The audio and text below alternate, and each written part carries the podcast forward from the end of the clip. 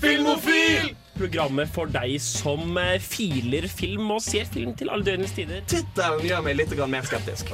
Vi bare gir det 40 år nå, så spiller de en Schindlers liste med lykkelig slutt. Så vi får se. Men da har vi en sammenligning mellom Ja, ja, ja. Mike Hansburger og Tom Cruise. Bare altså, liksom, synopsiset, for dette er kanskje det mest Tim Burton jeg har hørt om okay, på lenge. Okay. Du hører på Filmofil på Radio Revolt. Hasta la vista, Ja. baby. Ja, hei og velkommen til Filmofil denne torsdagskvelden på Radio Revolt. I dag så har vi et bra program på lager for dere. Vi skal snakke om lavbudsjettsfilmer. Så det tror jeg blir veldig spennende. Med meg i studio i dag så har jeg på teknikk Trine. og vår faste filmnerd. Henning. Vi har også med oss fra Dansk Filmskole Frida. Og vår regissørspire Sunniva. Og mitt navn er August. Ja, Tror dere det blir eh, bra sending i kveld, eller? Ja. ja. Det er, eh, det er lov å håpe. det. Stor risiko for god stemning og ellers godt humør. Å, herlighet. Men eh, ja, jeg, jeg har i hvert fall troa. troa. Skal vi gå for en uh, låt, kanskje? Kanskje det?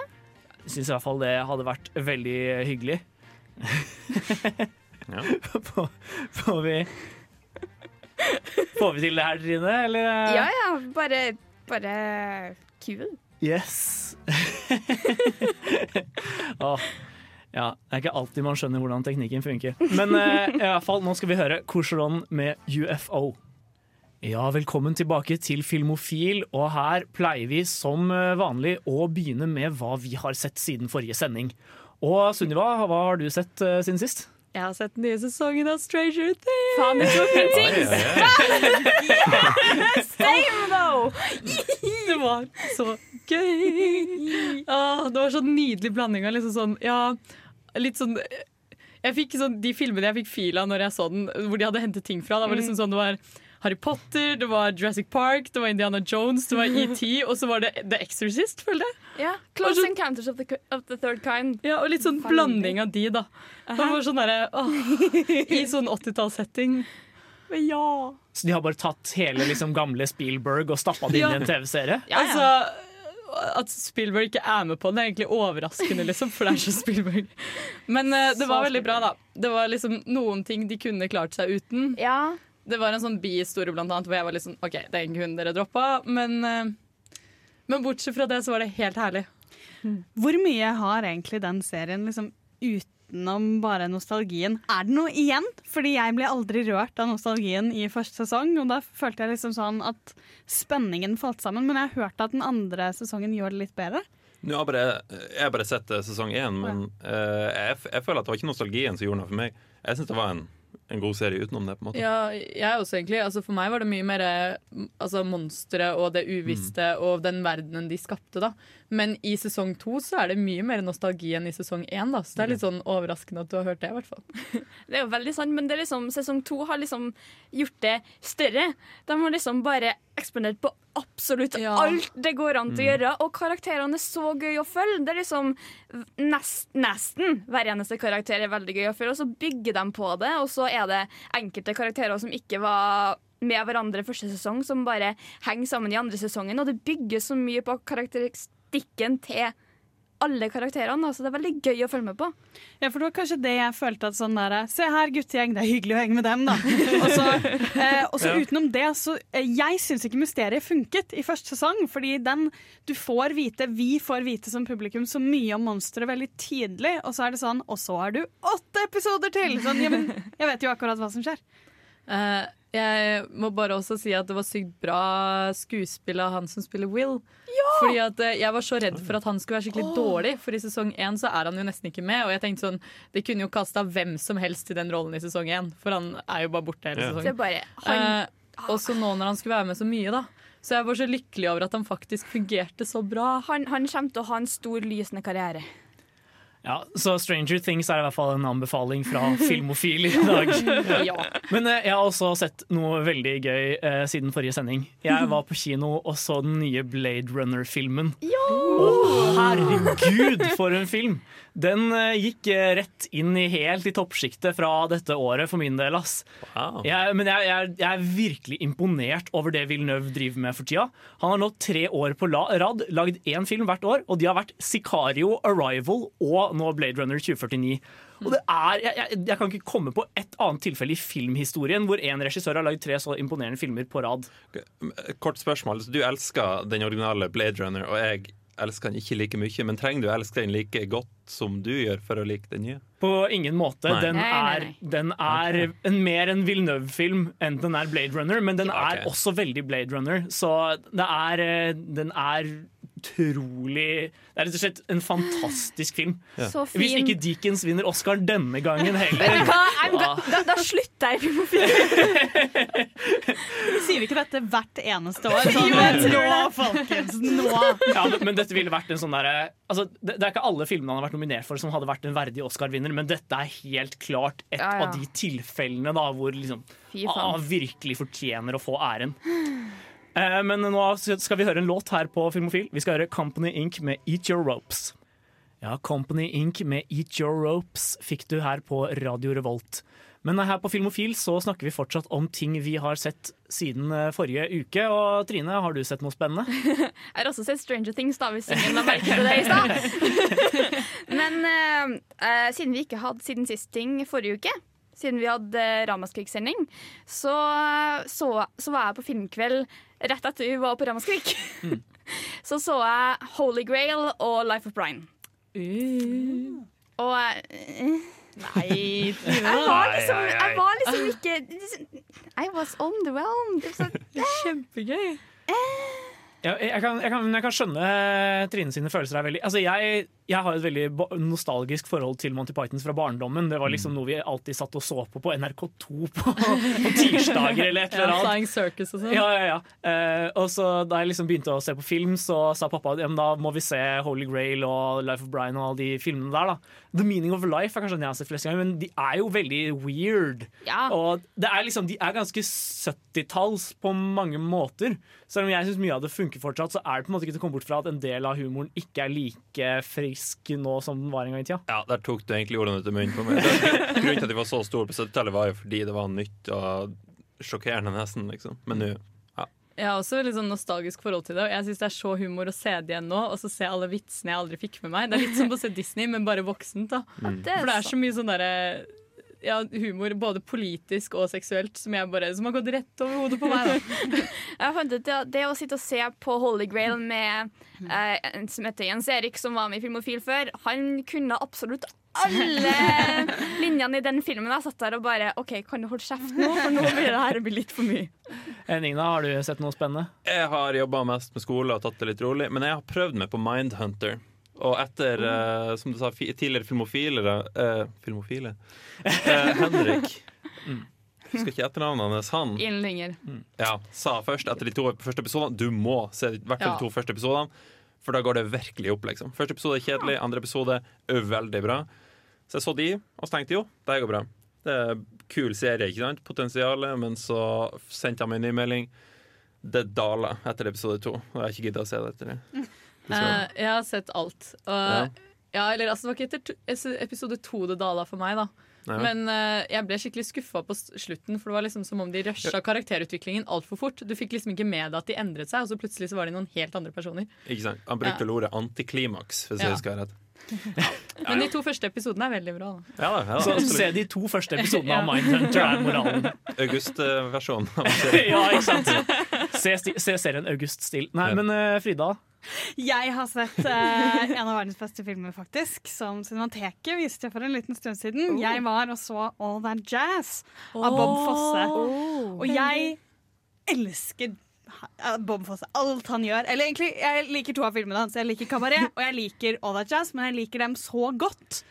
At det veier opp for at jeg ikke liker flere. Eller liksom har så mye innsikt i hva annet han har laget. Det er kanskje altså, Det var en av de der gangene hvor du sitter igjen og har sånn Wow!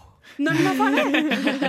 eh, for dere som ikke vet det, så er det egentlig en ganske selvbiografisk eh, film. Han er koreograf, og dette handler om en ganske selvsentrert og jævlig fotograf, nei, koreograf som driver og dør.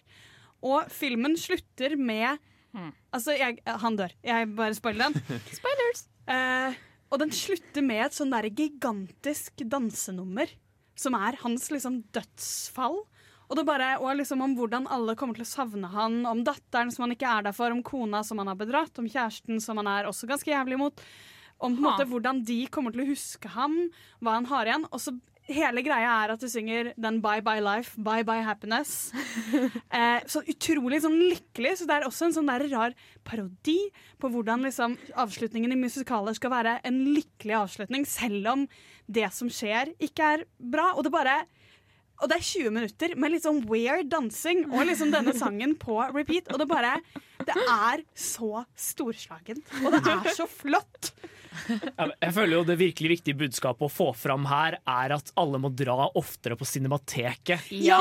For det er en ressurs som er veldig lett å glemme at man har. Dere kan Virkelig. f.eks. møte oss der i morgen på Taipei Story. Men uh, nå er det på tide å ta en låt. Vi skal høre Broen med Pride her på Radio Revolt. Ja, og vi har sendt vår faste nyhetskorrespondent ut på det store internettet for å finne nyheter hjem til dere i eh, det ganske land. Og Henning, hva har du å by på? Jeg har eh, mange nyheter å by på. Ganske store. òg. Det er jo tre eller fire uker siden siste nyhetsstikk nå, så det er en, det er en del å velge. Kanskje noe Det som traff meg nærmest, var at de har sluppet et eh, voicecast for Lion King. Og det Jeg, jeg, jeg ble mer og mer overraska for hvert navn jeg leste på den lista der, for det er utrolig. Som kjent Donald Glover og James Earl Jones som uh, Simba og Mofasa. Det har vært kjent lenge. Ja, det er veldig mange av de voicecastene som har vært kjent ganske lenge nå, da. Ja, det har de. Ja, ja. Oh, ja. Den, den nyeste er jo eh, Beyoncé som Nala. God Nala, stemmer det. Stemmer det. Det kan by på noen heftige sangnumre. Ikke bare det, men eh, Beklager uttalen, men Chiwetter uh, Ejiofor, han som spiller i uh, 12 Years a Slave, Children of Men, Å, ja. blant annet. Ikke sant? Yep. Han skal spille Scar. Yep. John Oliver fra Last Week Tonight. Han skal være Sasu. Seth Rogan skal være Pumba. Det er vel kjent, tror jeg. Ja. Eric Andre, som jeg har nært hjertet mitt, mildt sagt, skal spille Assisi. Og Og hva er det han har gjort tidligere? Eric Andre Show. Et, eh, et okay. Ok. juksetalkshow hvor de inviterer kjendiser som ikke vet bedre, og gjør narr av dem. det, er- det er et luretalkshow, egentlig. Det er en parodi av et talkshow. Veldig artig. Og Keegan Michael Key skal spille Kamari. Det er en ny karakter, tror jeg. ja. Ja. Det er han, han fra Key and Peel, uh, blant annet. Som dere sikkert kjente. Han skalla fyren. Spennende. spennende. Han som ikke regisserte Get Out. Nei.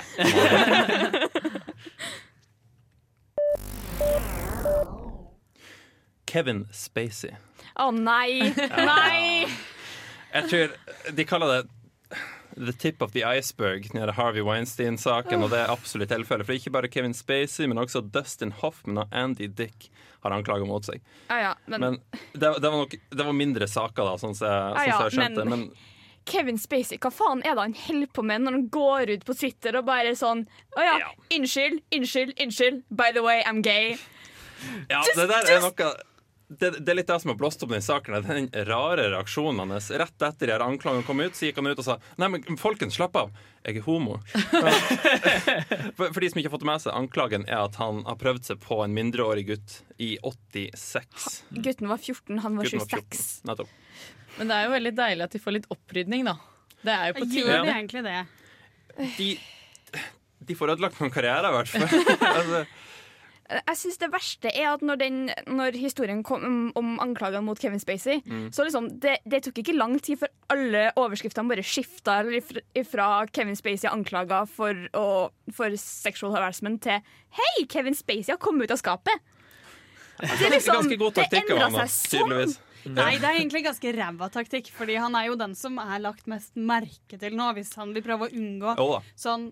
Og det er jo også utrolig dårlig gjort. Uh, han har jo Kevin Spacey har jo alltid nektet å uttale seg noen ting om privatlivet sitt. Yep. Og så det at han nå skal komme ut og på en måte ta del av sånn 'men jeg er homofil, og dette her er min kamp', er jo egentlig bare å være kjip med alle homofile. Sånn, og på en måte, som noen sa, kaste oss under bussen. da. Ja. eh, Han har han hatt det som et S i ermet, da. At han tenker, i hvert fall. Jeg kaller det ikke et S i ermet, men jeg ser for meg at han tenker at det var det. jeg, jeg tror han følte at sånn det kommer, seg, det kommer fram at jeg har prøvd meg på en gutt! Herregud, det må jeg forklare meg! Så han har bare mista hele greia med at nei, men det er et voldtektsforsøk folk snakker om. Ingen bryr seg om hvem det var. Det var en mindreårig person. Mm.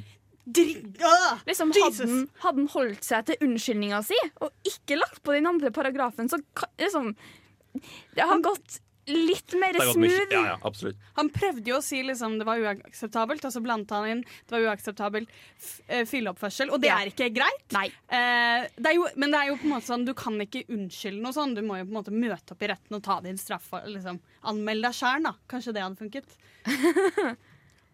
Ja, kanskje det. Jeg skal, jeg skal. Nei, eh, men eh, nå er det i hvert fall på tide å høre en låt. Vi skal høre Magnus Beckmann med 'Bruises', etterfulgt av en liten pause her på Radio Revolt.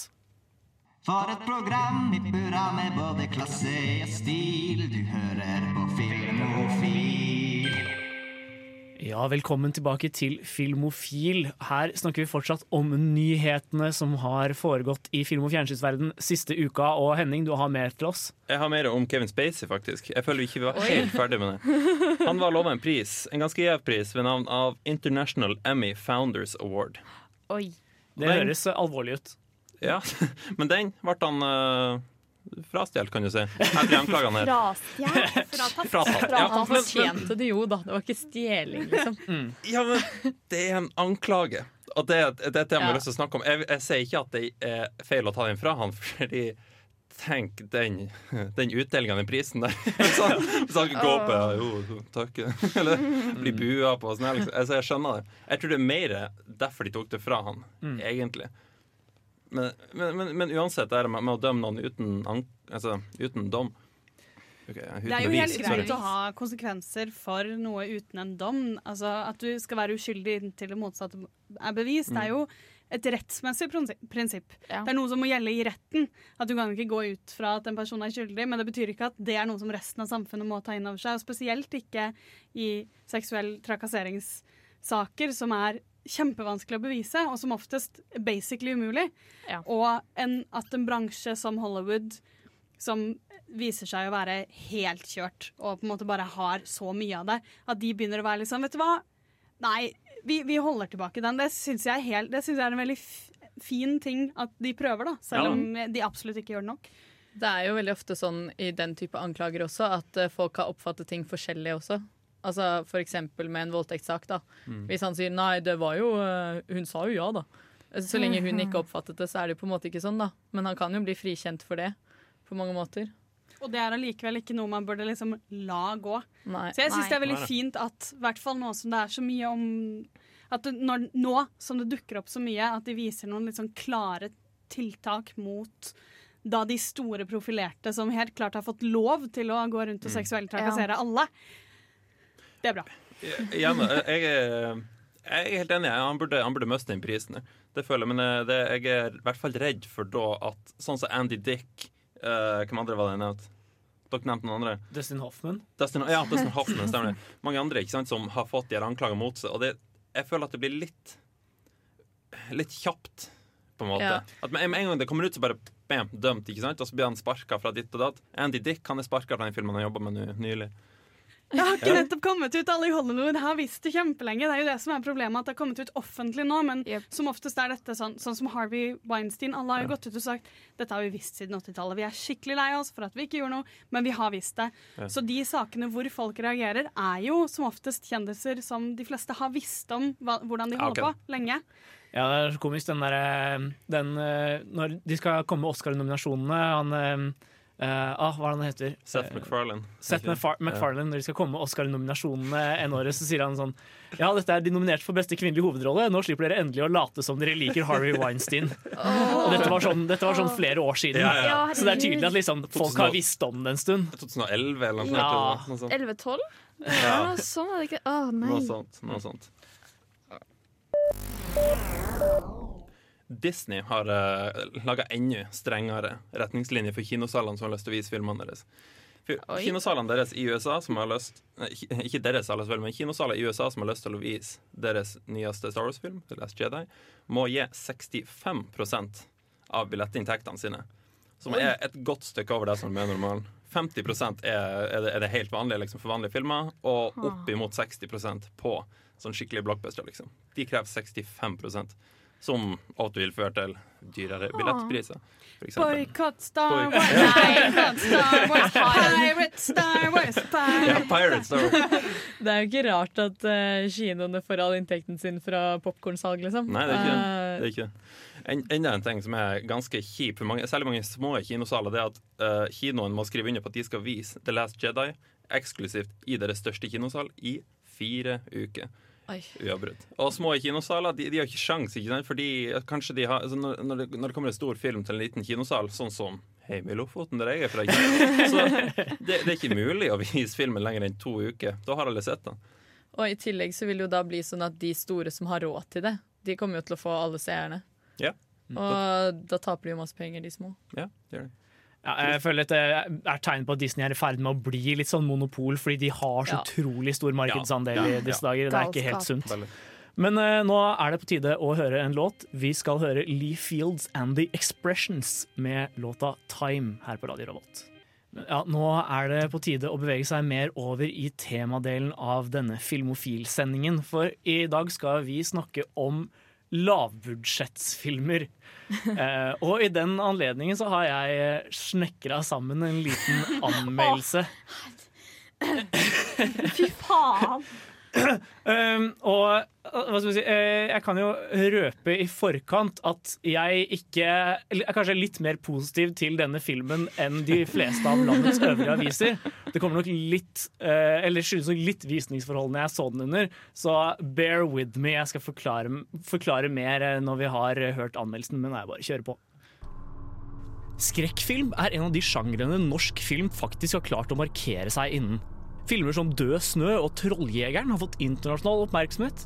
Og bare på dette årets Ramaskrik var det fire nye norske spillefilmer som alle passet mer eller mindre inn i sjangeren. En av disse var Reinert Kiels Juleblod.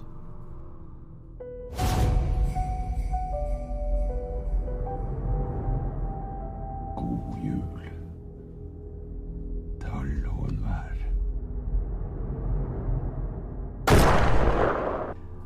Handlingen går som følger. En seriemorder som gikk under navnet Nissen, angrep en ny familie hver julaften. Det eneste ofrene hadde til felles, var at de alle hadde vært omtalt i pressen for lovbrudd. De hadde altså ikke vært snille barn. Nå har han rømt fra fengsel og er ute etter å fullføre verket sitt.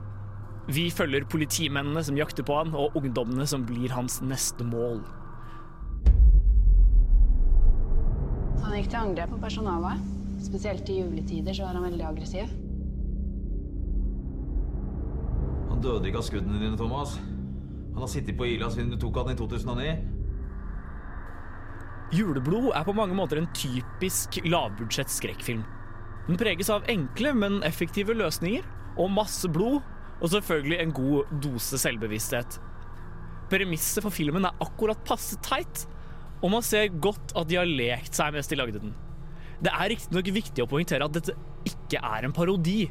Den leker kanskje med sjangerkonvensjonene, men den tar likevel seg selv seriøst. Den blir på ingen måte scary movie. God jul til alle har hatt kjær. Snill eller slem. Vi vet hva som. Og det må sies at jeg tidvis ble imponert over håndverket som fremvises av Kiel og co. her. Karakterintroduksjonen er f.eks. utrolig effektiv. Filmskaperne hadde tydelig lyst til å vise oss mange drap, og for å gjøre det trengte de mange karakterer. Det imponerende er at de klarte å introdusere alle nissens ofre på en så god måte at jeg følte jeg kjente de før de ble drept. Man skulle kanskje tro at det var vanskelig å skille fra hverandre seks forskjellige pene jenter i 20-åra, men alle hadde så tydelige karaktertrekk at det fungerte. Juleblod er også overraskende pen å se på. De har virkelig sett potensialet i juledekorasjoner, og huset jentene holder til i, er virkelig en visuell fest. Gjennom min årelange spesialisering som psykiater så blir jeg trent til og opplært til at sånne mennesker som han ikke finnes. Han skal ikke finnes. Han er manifestasjonen av rein og skjær ondskap. Når alt kommer til alt, er likevel Juleblod en sånn film man vet om man kommer til å like eller ikke etter å ha sett traileren. Hvis du hører 'mann i nissekostyme dreper ungdommer som ikke har vært snille barn', og tenker 'dette er noe for meg', ja, da er nok Juleblod akkurat filmen du leter etter. Du får ikke stort mer eller mindre enn det, og personlig hadde jeg det gøy med den, men om du ikke tror dette er noe for deg, så er det neppe det. Får du døpa? Nei, de er ikke så forbanna mediekvinner. Jo, visst faen er det meg! Jeg kan love deg at det blir trollpooling i kveld.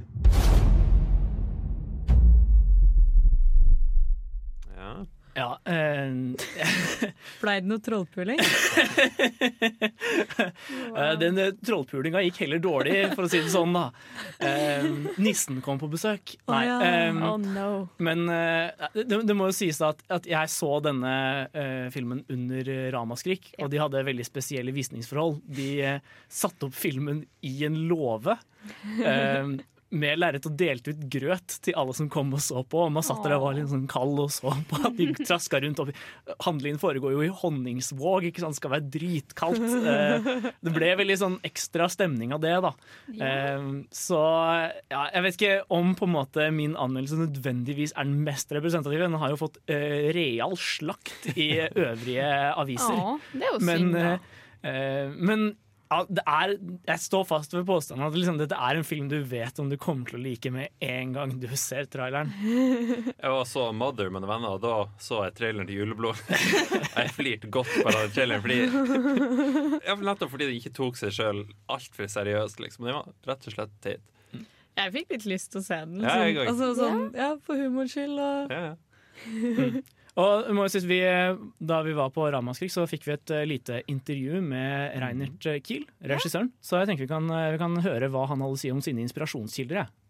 Nei, altså jeg synes De mest sexy filmene på jord er de som mikser sjangre. Jeg synes at eh, Enten så knekker du sjangrene sånn som uh, Martyrs gjør, eller uh, Moritorius, eller hva heter, den spanske som kom, der du blander rape, revenge, monster og, eh, og terrorfilm i hop. Altså, filmen er egentlig skit, men, men pga. at de har gjort de sjangerbruddene i filmen så sinnssykt kult, da, så elsker jeg den. Jeg satt ikke det der koser meg, for det, er det universet jeg på en måte liker, ikke sant? og jeg tror på de knekkene. Mens Martyrs igjen da er jo også, bare for å ta eksempel, er jo fantastisk når det kommer til sjangerbrudd. Og jeg synes um, det er veldig viktig for meg, og det har jeg gjort faktisk i alle mine filmer. Og eh, juleblod er mer eh, 80-talls uh, hjelp deg juleferie miksa med, med fredag 13. eller halloween. da. Så det, det skal være lett humor som jeg håper da kan være litt tidsløs. Fordi at komedie og skrekk Nei, komedie og, og action er de filmene som er tyngst å holde ti, tida, eller hva man sier. Holde, altså, altså de, de, de, de blir fort gamle, da. Mm. Men sånn som de 80-tallsfilmene som fortsatt klarer å holde seg like, like bra som de var da, ikke sant? hvis man tar det for det det er. Det må ikke du tilbake i den tida. Å, herregud, det var mye rart. Men ikke sant? Halloween er jo en trag fuckings film, og det er jo det er ikke mange som dør i den filmen. og sånt, og det, det ja, det, det føles ikke som en slasher i dag når du ser den, men samtidig så er det på en måte opprinnelsen på slashere. ikke sant? Det er, det er slasheren.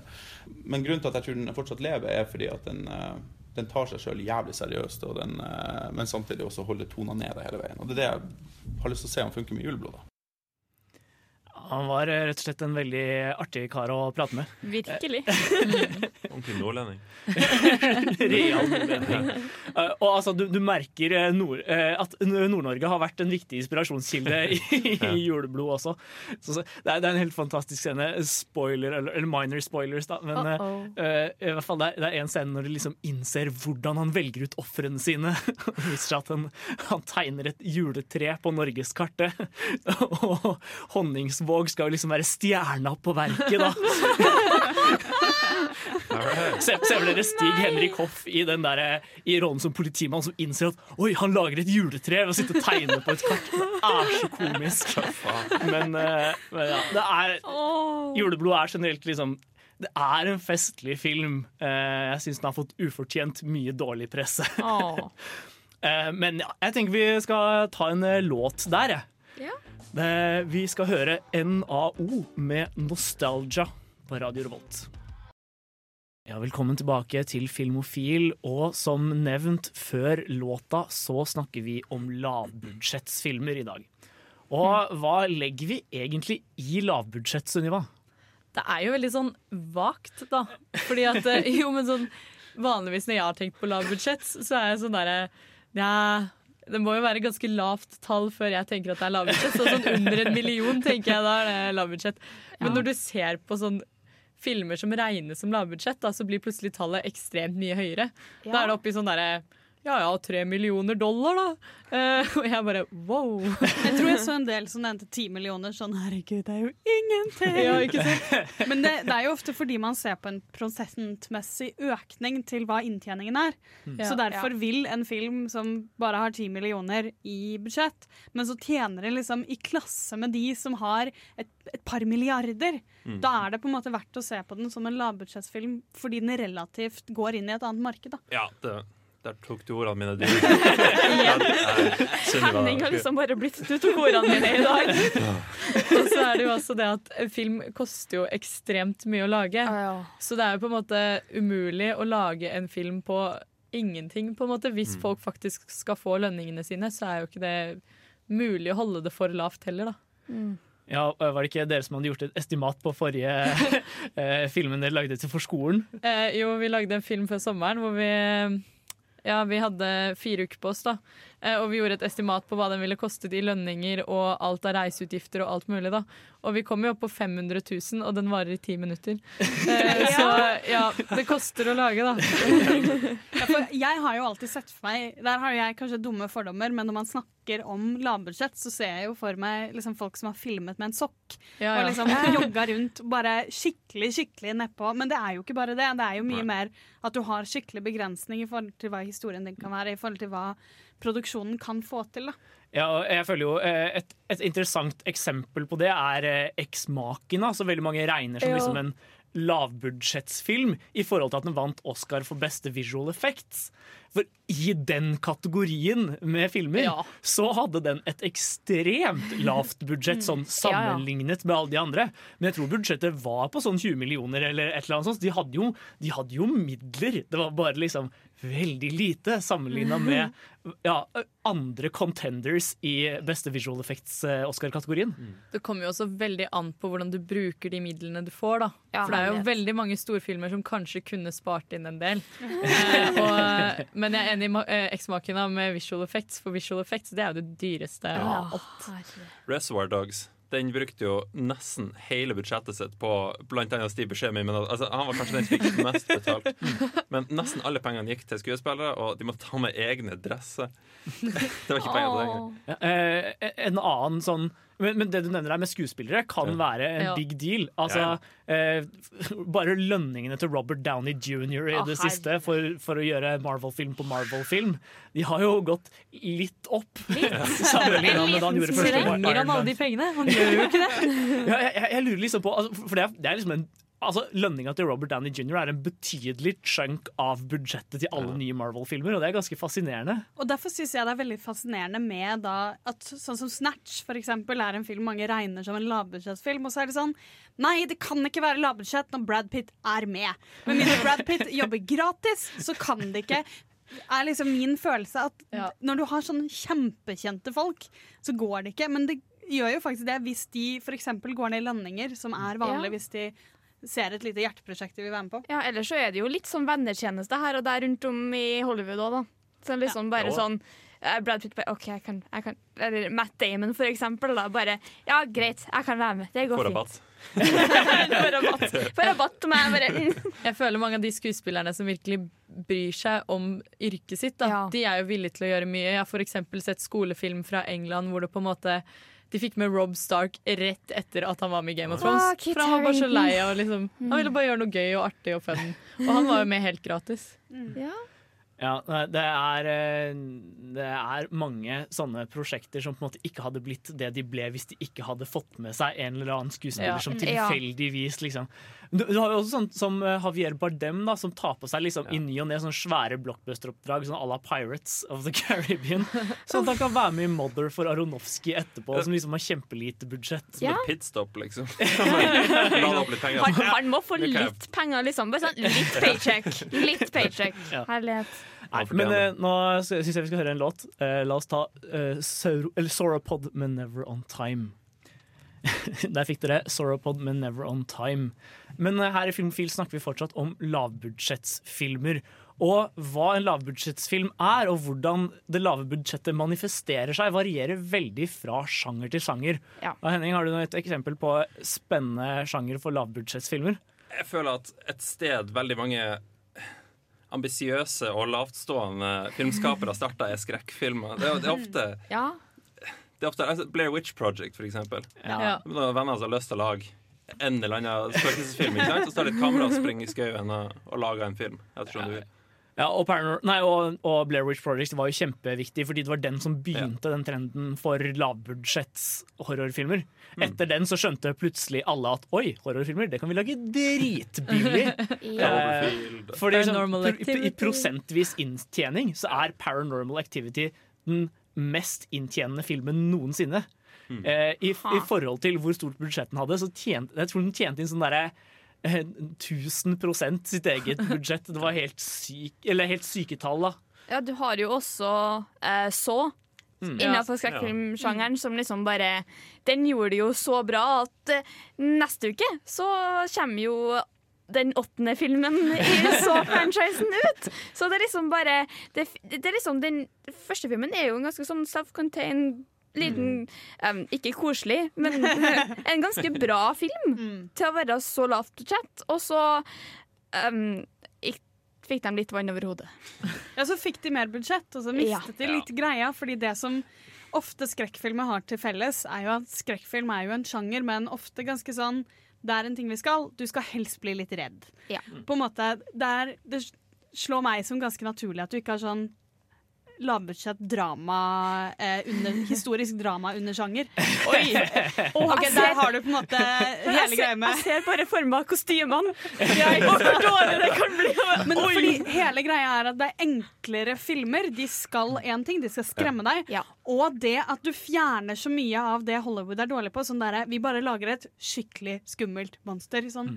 Men det er ikke det som er skremmende. Sånn, de begrensningene lavbudsjett ofte gir deg, det gjør at mange på en måte, jobber med å utvikle mye mer interessante historier og bedre jobbe mye mer med suspens. Og det har jo i hvert fall de fleste vi nevnte til felles. Og billigere aspekter ved filmen. ikke Mm. sant? Det er litt det som er sjarmen som funker i skrekkfilmer. Sånn som så, ikke sant? Ja.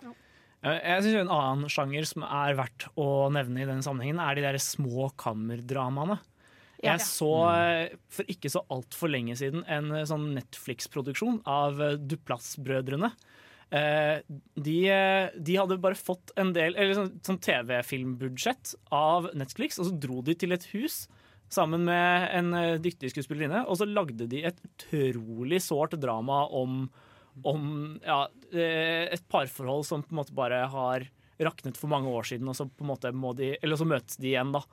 Og liksom Den begrensede rammen da gjør at eh, drama blir så mye mer intenst, på en måte. Fordi når de, når de bare er i det ene rommet, så på en måte slipper Eller da, da, da må på en måte hele historien ligge i det som skjer mellom de to. Du kan ikke ha noe liksom, ytre stimuli, og det gjør at det blir veldig spennende å, å se på. Det er ikke Mother du snakker om. En annen sjanger som det går an til å trekke inn i det her, er jo dokumentaren. da. Veldig relevant sjanger å det trekke liksom- inn i dette. Jeg skrev jo nettopp en oppgave om The Greatest Movie Ever Sold. Og der går han jo teknisk sett bare rundt til hvert eneste reklamebyrå og alt og bare Hei, har dere lyst til å hjelpe meg å lage akkurat den filmen her? Please, penger.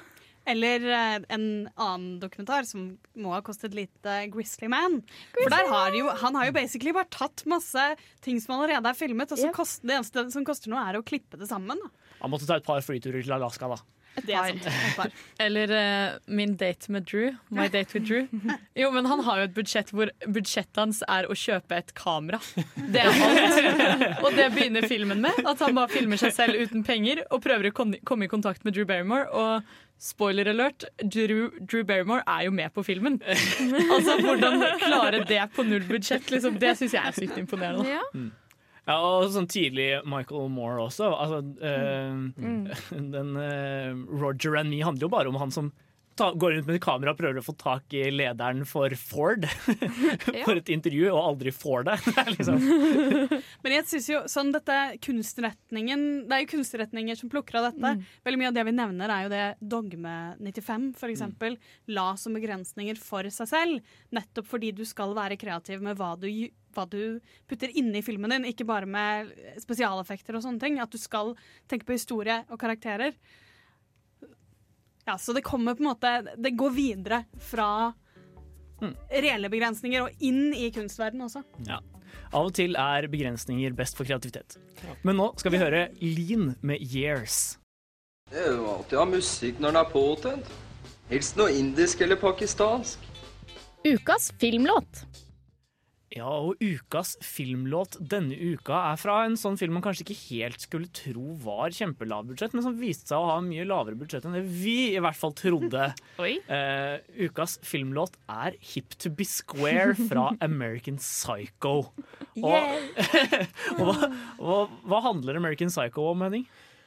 Det handler om en ung businessman spilt av eh, Christian Bale. Men da Patrick Bateman som eh, sakte, men kanskje ikke så sakte Jeg faller inn i, i en morderisk eh, eh, Jeg finner ikke ord. Tendens. Nei. Nei, han, han blir gal, rett Så og slett, og finner sin, folk. finner sin morderiske side. Ikke sant? Så han, eh, han er veldig opphengt i, eh, i, i filmer, i musikk og visittkort. Han har, en av de beste unnskyldningene for enhver ubehagelig situasjon jeg, vet, og det er I have to return some videotapes.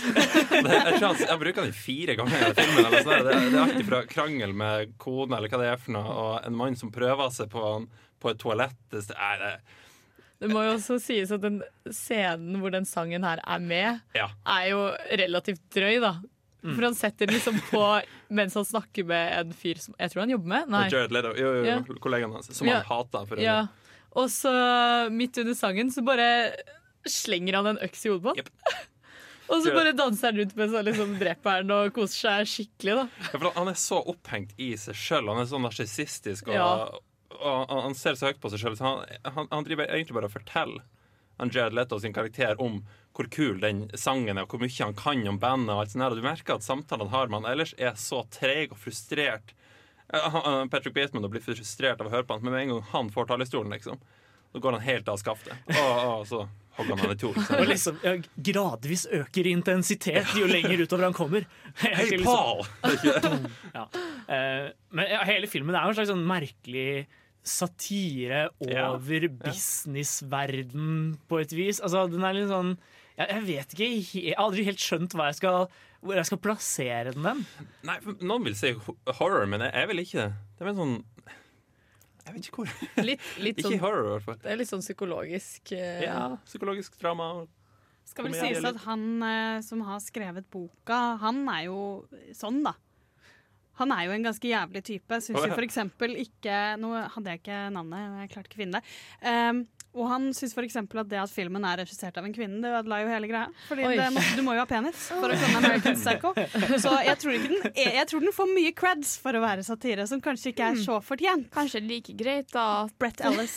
Brett, Brett Ellis. Tenkt å si. Er kanskje like greit at vi ikke husker navnet. Når det er så jævlig. Ja, ja, men jeg, jeg lurer på om filmen er en slags satire, om ikke annet. Altså, den, den, den blir i hvert fall nevnt i samme liksom åndelag som litt sånn eh, Spring Breakers. Ikke helt Spring Breakers, men liksom Ja, den, den, den typen film. Hvis jeg hadde vært kvinne og fått den filmen, som er litt sånn der, og handler om menn og, og macho, eh, og visst at på en måte det var seriøst, så hadde jeg nok lagd satire av det. Ja. Bare for å være skikkelig kjip. Så boka er kanskje den seriøs, men filmen kan vi nå OK, da er jeg enig. Da leser vi den. Filmofil har etablert konsensus nå om at American Psycho er en satire, så kom ikke her og påstå noe annet. Nei, sant? Ja. Du kan i hvert fall en- være enig i at det er en kul sang. Ja, og bra film. Den er, ja, og bra film. Ja, and on that note så tenker jeg vi hører eh, Huey Lewis and The News med It's Hip To Be Square. Ja, der fikk dere altså Hip To Be Square her på Radio Revolt. Men eh, lavbudsjettsfilmer som vi diskuterer på Filmofil i kveld, er jo ikke noe som kun foregår i det store utland. Det lages også mye lavbudsjettsfilm her hjemme i Norge. Og Frida, har du noen eksempler på lavbudsjettskarakterer? Altså, den åpenbare er jo Tommy Wirkola, i Ja. fall da han begynte. Han, nå er han jo faktisk eh, norske regissøren Eller han var det på eh, Hansel and Gretel Witch Hunters. Norske regissøren som noen gang har hatt eh, størst manus. Mm. Eh, men han startet jo mye mer med altså Kill Buljo og Død snø er begge to ganske lavbudsjetts-affærer. Eh, affærer. Ja.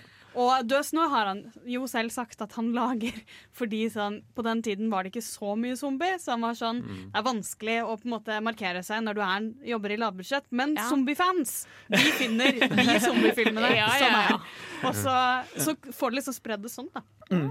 Ja, altså, eh, Det produksjonsselskapet til Tommy Wirkola er ganske spesielt i norsk eh, sammenheng. De kaller seg for Tappeluft. Og eh, de er det eneste filmselskapet i Norge som er sånn Nei, forhåndsstøtte fra, eh, fra Norsk Filminstitutt det får vi ikke uansett. Så det gidder vi ikke å bruke tid og penger på å søke om. Vi bare mekker en film, eh, og så slenger vi den på kino, får med oss en, et eller annet distribusjonsselskap. Og så satser de på å få solgt mer enn 10 000 billetter, for da får de automatisk etterhåndsstøtte fra staten. Så de, de, de, de kjører den modellen, da, og det er ikke eh, Så vanlig. Nei, det er ikke så eller, De er de eneste som gjør det. Um, og det er jo sikkert av en god grunn. Det er ikke nødvendigvis den mest effektive Eller det er ikke den tryggeste måten å lage film på økonomisk, men eh, de har hatt eh, veldig stor suksess med det. da. Død snø er jo f.eks. en av de norske filmene som har fått mest oppmerksomhet internasjonalt liksom, eh, noensinne. Så eh, ja, det, det er en fascinerende gjeng. Men eh, vi så jo også en eh, fascinerende lavbudsjettsfilm eh, nylig, eh, Trine. Ja, vi gjorde det. Sorry, jeg flirer av en egen vits som jeg tenkte på i stad. Det helt ille. Men ja, vi så Vampyr-Vidar. På eh, Ramaskrik så hadde de premiere på en norsk film som var lagd på en halv million kroner. Spillefilm i, som varte halvannen time. Litt rar. Veldig, veldig weird. Det var som de tenkte liksom Hva hvis vi blander eh, vampyrfilm, eh, Jim Jarmers og Jæren? Ja. Eh, på, på en halv million kroner. Så ble det bare super weird, men Super weird. Og super awesome. Men det, er veldig sånn tydelig at liksom, det går an å lage filmer som, som har i hvert fall en slags kunstnerisk visjon da, på Ja. et superlavt budsjett. Ja, men herregud, du har jo en, en viss scene der de er der innpå en låve som er veldig fantastisk å se på, sånn spesialeffektsvis. Det, Mm. liksom, det var det eneste de hadde brukt spesialeffekter på. Og det var jo, fast, det var jo liksom sånn Oi, det her er jo faktisk jævlig bra. Mens ellers hadde de vært sånn Ja, kan jeg låne Jeg spurte naboen om de kunne få låne liften hans og sånn, fordi Ja, hvis vi henger en fyr fra den krana her, holder den da, eller? Sånn hypotetisk sett. Men det er akkurat det som virker så sånn hyggelig med sånn lavbudsjett. da. Sånn 'Å, kan jeg låne krana di?' Altså, det, er så, sånn- jo, men det er et sånn fellesskap, for det er jo veldig ofte De har ikke råd til å ha liksom én person til hver jobb nødvendigvis. Så det blir jo litt sånn alle hjelper til der det trengs, og alle bare er skikkelig gode venner og har liksom det engasjementet for å få til det de sammen drømmer om. da. Og jeg synes det, det er så koselig, liksom. Det er så, ja, Istedenfor sånn der Hollywood hvor det liksom er sånn Ikke rør kameraet mitt! Eh, ja. Men eh, du har jo vært med på innspilling av uh, lavbudsjettsfilm, i hvert fall sånn delvis. I det siste. Eh, jeg var med på en i vår, i hvert fall, som heter Ragnarok. Eh, som eh, kommer snart. mm. eh, det var veldig gøy. Der var det veldig sånn der, jovial eh, stemning. Og det trengtes også. da Det var innspilling fra fire på dagen til fire på natta, og det var minusgrader. Eh, første dagen gikk jeg i olabukse. Det funket ikke så bra. Oh, Men da var alle sånn 'Å, vil du låne votter?' og 'Vil du låne skjerf?' Og det var bare sånn Ja, det var veldig Det var veldig sånn Det er en helt annen et helt annet samhold, da. Mer Mm. koselig. Mye mer koselig. Ja, det er vel noe med når folk jobber eh, mer eller mindre gratis, så kan man ikke liksom være skikkelig bitchy mot dem i tillegg, da. Det er litt som å jobbe frivillig. Altså, Det er litt som å jobbe frivillig. det Man kan jo det. Altså, min eh, periode som frivillig arbeider er nok mer dominert av eh, mindre dugnad og mer eh, kjipe folk. Men, man, men jeg er helt enig med deg. La oss holde på bildet av lavbudsjettfilmer som en sånn rosenrød du, dugnad, der hvor alle bare koser med hverandre hele tiden. Kanskje, kanskje dansk filmskole ikke er liksom Nei, det mest joviale stedet. Men eh, nå skal vi høre en låt. Vi skal høre MGMT med Little Dark Age, etterfulgt av en liten pause. Ja. Men ja, ukas serie er rett og slett Doctor Who. Og da vi gjorde research for dette temaet, så innså vi at lavbudsjetts TV-serier det er det ikke egentlig så mange av. I hvert fall ikke de kjente. Men Doctor Who er jo et hederlig unntak. Og altså, ja øh, Hva handler Doctor Who om, kort sagt, øh, Trine? Uh, oi, kort sagt. Du skal ha kort sagt av en TV-serie som kom ut i 1963, og som har liksom holdt på til nå. Ja, du får fem sekunder på deg. Å, herregud, nei! Eh, eh, Det er en alien som kan eh, reise i tid og sted og ha med seg en fra jorden hele tiden. Og så er det litt sånn mysterier, mysterier de løser hver uke. Eh, så det er vel mer Jeg vil jo si at det er veldig sånn Monster of the Week, bare at um, Enkelte sesonger har jo en over en sånn altså, Du har en liksom stor plottlinje, men hver uke så har du ofte et nytt monster. Men det er ikke alltid et monster, fordi den er veldig sånn humant fokusert. Da, sånn. Det er ikke at de skal drepe noen hver uke, de skal faktisk aldri drepe noen. De Skal hjelpe, hjelpe alle. Uh, jeg bare lurer på sånn, for Det er jo veldig ofte at TV-serier har lavt budsjett når de kommer, og så Ja. får de mer og mer budsjett, og så plutselig så er det sånn gigantisk budsjett. Men har Dr. Who virkelig fortsatt lavt budsjett? Nei. Det har den nok ikke, Nei, nei. Eller den er vel kanskje på vei nedover igjen, for den har ganske dårlige seertall akkurat nå. For den har jo vært veldig stor og gått nå ganske lenge. Eh, og nå har den dårligere seertall, så nå kan det godt være det går ned igjen. Men det som er interessant med Doctor Who og dette lave budsjettet, det er at det har formet historien så veldig. I forhold til, de er veldig kreative med hvordan type monstre de lager. Det er mye liksom, parasitter som på en måte, Ikke parasitter, men folk som sitter på mennesker, sånn at de kan bruke menneskelige skuespillere. Og de lager monstre hvor de kan ha litt sånn low-key spesialeffekter, da. som ser så bra ut når du ser det opp igjen. Og de har holdt på det veldig Mm. hardt. At sånn Ja. der, det skal, vi skal ikke gjøre det fancy nå, vi skal ikke gjøre det sexy. Vi skal la den litt tacky 70-tallsestetikken være. Mm. Og så får dere liksom Altså, dere ser på en uh, Det handler om tidsreiser, dere tåler det meste. Eh, og så på en måte legger de hele liksom fokuset inn i å skrive gode historier. Gode aliens, gode monstre, Ja.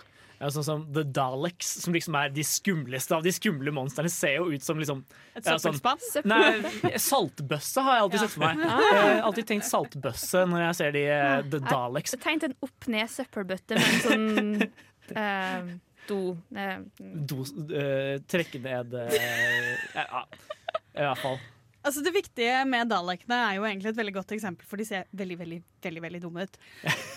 men, det, men de er ikke veldig dumme karakterer, og alle i serien reagerer på dem fordi de er eh, laget for å ikke ha medfølelse. Sånn at på en måte poenget er ikke at vi skal bli kjemperedde. Vi skal skjønne hvordan doktoren, eh, som alienen heter, interagerer med dem, og på en måte hvilken moralsk greie de to driver og krangler om. Og jeg, at, jeg tror det er derfor Dr. Who er så kjent, at det faktisk funker, og at det er der fokuset ligger. De må bygge det inn i historien, i stedet for å bare la spesialeffektene ta det. La meg først si at jeg har ikke sett Dr. Who. Jeg har sett så lite Jeg har sett så lite at jeg trodde han var et menneske. Jeg visste ikke om han var romvesen. Han, han ser ut som et Ja, det, det, det, det vet jeg. Det vet jeg men Eller altså, ho- Superman Eller hun. Nå skal det komme en kvinne. Vi er veldig, veldig spent alle sammen. Det, det du nevnte med den søppelbøtta og saltbøssa, er, er det de robotene Ja. på fire hjul som uh, RTD2-ish, bare lengre og Ja. grå? Og sånn? Ja. Det er de, ja, med litt sånne der rare bulker på er hele de de kroppen. skumleste? Det er de skumleste, ja. og det er på en måte hans Ja. Langtlevende fiende. Men de er ikke mest- ment å være skumle. Mest truende, Ja, kanskje. Rettelse. Det er, ikke, det er ikke de skumleste episodene som inneholder Daleks. Det, Nei, nei, nei, nei. Det er en blink. Å, no, ikke Eh, Weeping Angels nå. Eh, men Ah, jo, det er på en måte den mektigste fienden da, til Ja. eh, doktoren Det er ikke erkefienden, Ja. da. Vi, vi må jo nevne The Weeping Angels når vi Ja. først er oppi dette. Fordi altså, det, det er snakk om å gjøre mye ut av lite. Aha. Disse angelsene er jo på en måte Konseptet med de er at de på en måte eh, De kan ikke røre på seg når du ser på dem. Nei. Så de, rør, de rører seg så fort at eh, med en gang du ser bort, så kan de komme og så ta på deg, og så zapper de deg tilbake i tida. Og etter jeg så den episoden, så er jeg livredd for statuer. Ja, for de ser ut bare- som englestatuer og er uh, Ja, for den utrolig episoden har jeg hørt om. Ja, Mm. ja, den er nydelig. Og på en måte der er det akkurat det at de bruker konseptet sitt på en veldig fin måte. Og så har de ikke liksom Den er ikke så storslagen. Nei. Det er brukt veldig elegant. Mm. Eh, de gangene det funker. De gangene det ikke funker, så er det eh, dobørstefekting. Altså, da er det veldig rart. Mm. Men noen ganger funker det veldig bra, og da er det magisk. Ja, og det må jo sies at liksom Eller de er, de er rett og slett utrolig flinke til å gjøre mye ut av lite, da. I hvert fall, hvert fall veldig ofte. Men eh, ja, Så, så Dr. Who er en serie alle burde se. Ja. Henning. Eh, men i hvert fall, nå skal vi høre Flake med Green Screen Holiday. Ja, og ukens hjemmelekse denne uka var Lost in Translation.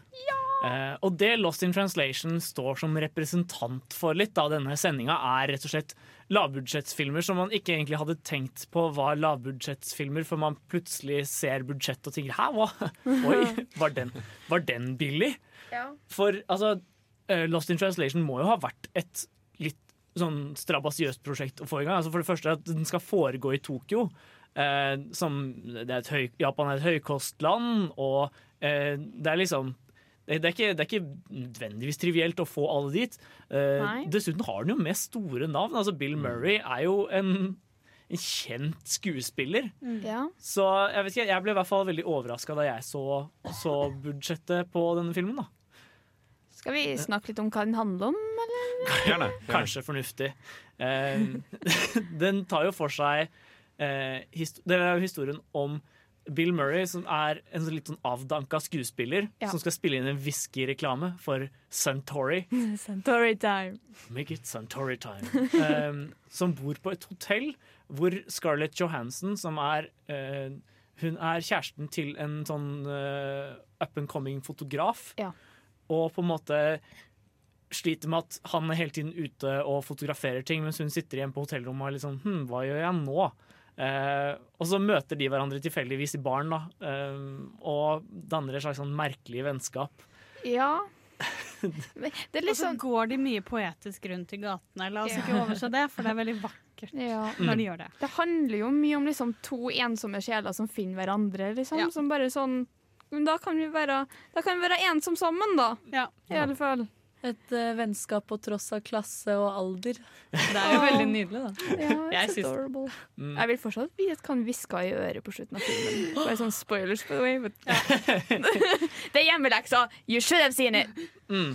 Ja, det er, jeg vet ikke, det er, så, det er så mange som snakker så mye om liksom, Hva er det egentlig de hvisker til hverandre? Mens jeg er litt mer sånn ja, hva er Ja, det? jeg er litt enig med deg, fordi jeg føler sånn den emosjonelle payoffen er mye bedre når vi ikke vet det. Mm. Når, eh, for det, de på en måte utvikler et veldig sånn platonisk kanskje, men et kjærlighetsforhold ganske uttalt, egentlig. Og Ja. dette er på en måte det store utløsningen, at han hvi- hvisker noe til henne i øret.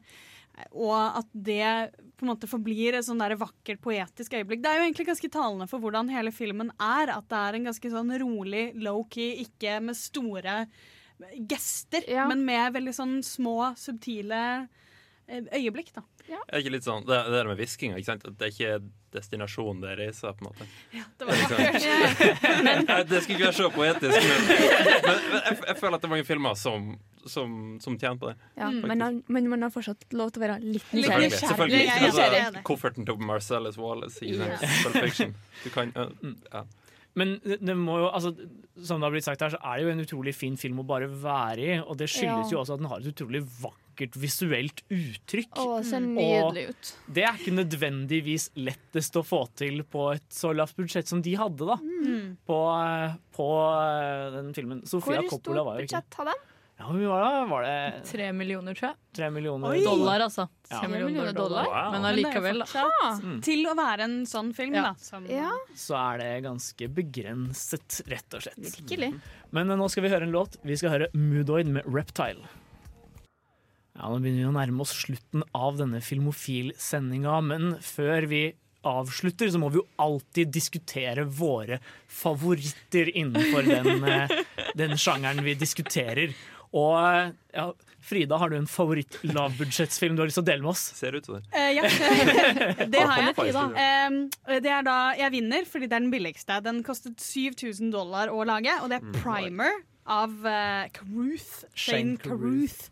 Og den er faktisk Den har noe helt sånn sinnssyke greier. De hadde ett minutt mer innspillingsteip enn det ferdig klippet sammen filmen.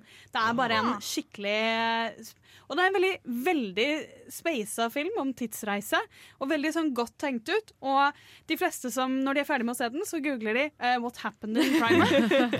Er, men den er veldig lurt den, tenkt ut. Den er ikke bare en som prøver å forvirre deg. Så den vil jeg bare absolutt, absolutt anbefale. Ja, Den er jo liksom kjent som eh, en av de liksom lavbudsjett sci-fi-filmene som bare gjør masse. Ja. Mm. Da? Ja, en mindfuck-film, rett og slett. Jeg, nevnte tidligere Reservoir Dogs. Knall. Eh, Krim, drama, heist gone wrong. 1,2 mil, var det vel? I Ja. 91. Mm, ja.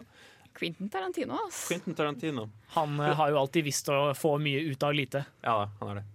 Eh, Pulp Fiction også var jo kjempeviktig som Mm. et sånt der eksempel på at indiefilm kan faktisk tjene masse penger, dere. Eh, så eh, ja, det tidlige arbeidet hans var liksom kjempelavt budsjett, men de, de mest innflytelsesrike filmene som har kommet siden 1990, da, rett og slett, de har hatt voldsom betydning. Men Trine, har du noen favoritter? Ja, jeg har en innenfor musikalsjangeren, faktisk. Jeg har en film som jeg snakka om på musikalsendinga her i fjor. Stille tidligere i vår, ja. Mm. En film som heter Once. Eh, den er kjempefin, uh, lagd av John Carney for 180 000 euro, faktisk. Men det er liksom uh, De bruker liksom Det ser ser ut som de har det, veldig shaky cam. Liksom bare, de går jo bare og følger rundt, rundt karakterene som bare Det handler om to stykker som møtes. Én er um, musiker på gata, og så spiller de inn en plate sammen. Og så ser du liksom hele tida at bare sånn OK, de her passer perfekt for hverandre, men det blir ikke noe av det, fordi uh, hun har en mann, og han vil tilbake til dama si, som ikke bor i Dublin. Og den er bare så koselig, og musikken er så bra, og alt er bare så bra. Det er jo sånn type film som går for sånn ekstrem realisme. For eh, sånn at de har veldig sånn Her filmer jeg, her filmer jeg folk som sitter og synger sammen. Ja. Flott film, faktisk. Ja, eh, ja, og det er jo ikke så ofte man ser lavbudsjettsmusikal. Nei. Du da, Sunniva? Eh, jeg nevnte den jo så vidt i stad, men det må nesten bli eh, min date med Drew. Og det er av den enkle grunnen at eh, de har et så ufattelig liksom, teit plott, men de gjør det så utrolig nydelig. Åh, når han liksom har gått og vært forelsket i Drew Barrymore siden han var fire år. Og liksom, ja, det er jo ikke som at de får noen lønninger for det her, eller noe. det er bare noe en kompisgjeng liksom gjør. Og ja, lønningen blir kanskje Drew Barrymore, More, da, men eh, ja, jeg grein, jeg. Lønninga blir Drew Barrymore. Oh. Nei, eh, min favoritt sånn lavbudsjettsfilm er nok eh, Steve McQueen sin debutfilm som heter Hunger. Ok. Eh, det er en det er en av de sterkeste filmopplevelsene jeg har hatt de siste tre årene, kanskje. Eh, den handler om et eh, fengsel med IRA-fanger i Nord-Irland som er på en vaske- og sultestreik fordi de vil ha status som politiske fanger. Da. Oh. Eller de vil ha politisk status, mens den britiske regjeringen mener de er terrorister. Og det er så det er så fascinerende hvordan de klarer å gjøre noe så ekkelt som at de har helt piss ut i gangen Mm. eh, utafor cellene sine. eh, det, det er en mann som går og vasker opp det, det tisset, og det tar liksom Sekvensen varer i flere minutter. Det er bare en mann som vasker tiss, men det er kjempevakkert å se på. da Skikkelig meditativt. Og det, i midten der så er det en sånn 20 minutters one take med dialog, en dialogscene mellom eh, Michael Fassbender sin karakter, som er fange, og en, en prest i fengselet. Og det er liksom en av de mest imponerende one-takesene i historien, fordi det er så kompakt dialog, og det er så perfekt spilt. Så nei, det er en varm anbefaling til alle som ikke har sett den. og veldig lavt budsjett hadde dere må. Men nå skal vi høre Black Pistol Fire med Blue Dream. Ja, der fikk dere Black Pistol Fire med Blue Dream. Men eh, nå er det dessverre på tide å ta farvel. Nei, men hvorfor det, da? Ja, jeg vet det. Vi har, vi har følt oss som crew på en lavbudsjettsfilm i dag. Vi har hatt det skikkelig koselig. Alle har vært støttende venner for hverandre. Oh, hverandre votter og Og heisekraner. Gule Ja. kraner, kanskje. Mm. Men uh, i hvert fall, uh, hvis du kom inn nå på slutten og har lyst til å høre mer av lavbudsjettfilm, så kan dere bare sjekke ut våre sendinger på radiorevolt.no. Ja. Med meg i studio i dag så har jeg hatt på teknikk. Trine? Jeg har også hatt med vår faste filmnerd fra Dansk Filmskole. Frida. Og vår regissørspire. Sunniva. Og neste uke så skal vi være litt relevante. Vi skal ha litt kan- mindre koselig tema. Litt mindre koselig, eh, litt mindre jovialt. Vi skal snakke om eh, sexual harassment, eller eh, Seksuell se- trakassering. Trakassering i filmbransjen. Ja. Eh, så det blir hyggelig å bare komme tilbake. Kjempekoselig. Men interessant blir det i hvert fall. Så ja, det er bare å komme tilbake neste uke. På vei ut nå skal vi høre Daft Punk med 'Harder, Better, Faster, Stronger'. Ses neste uke.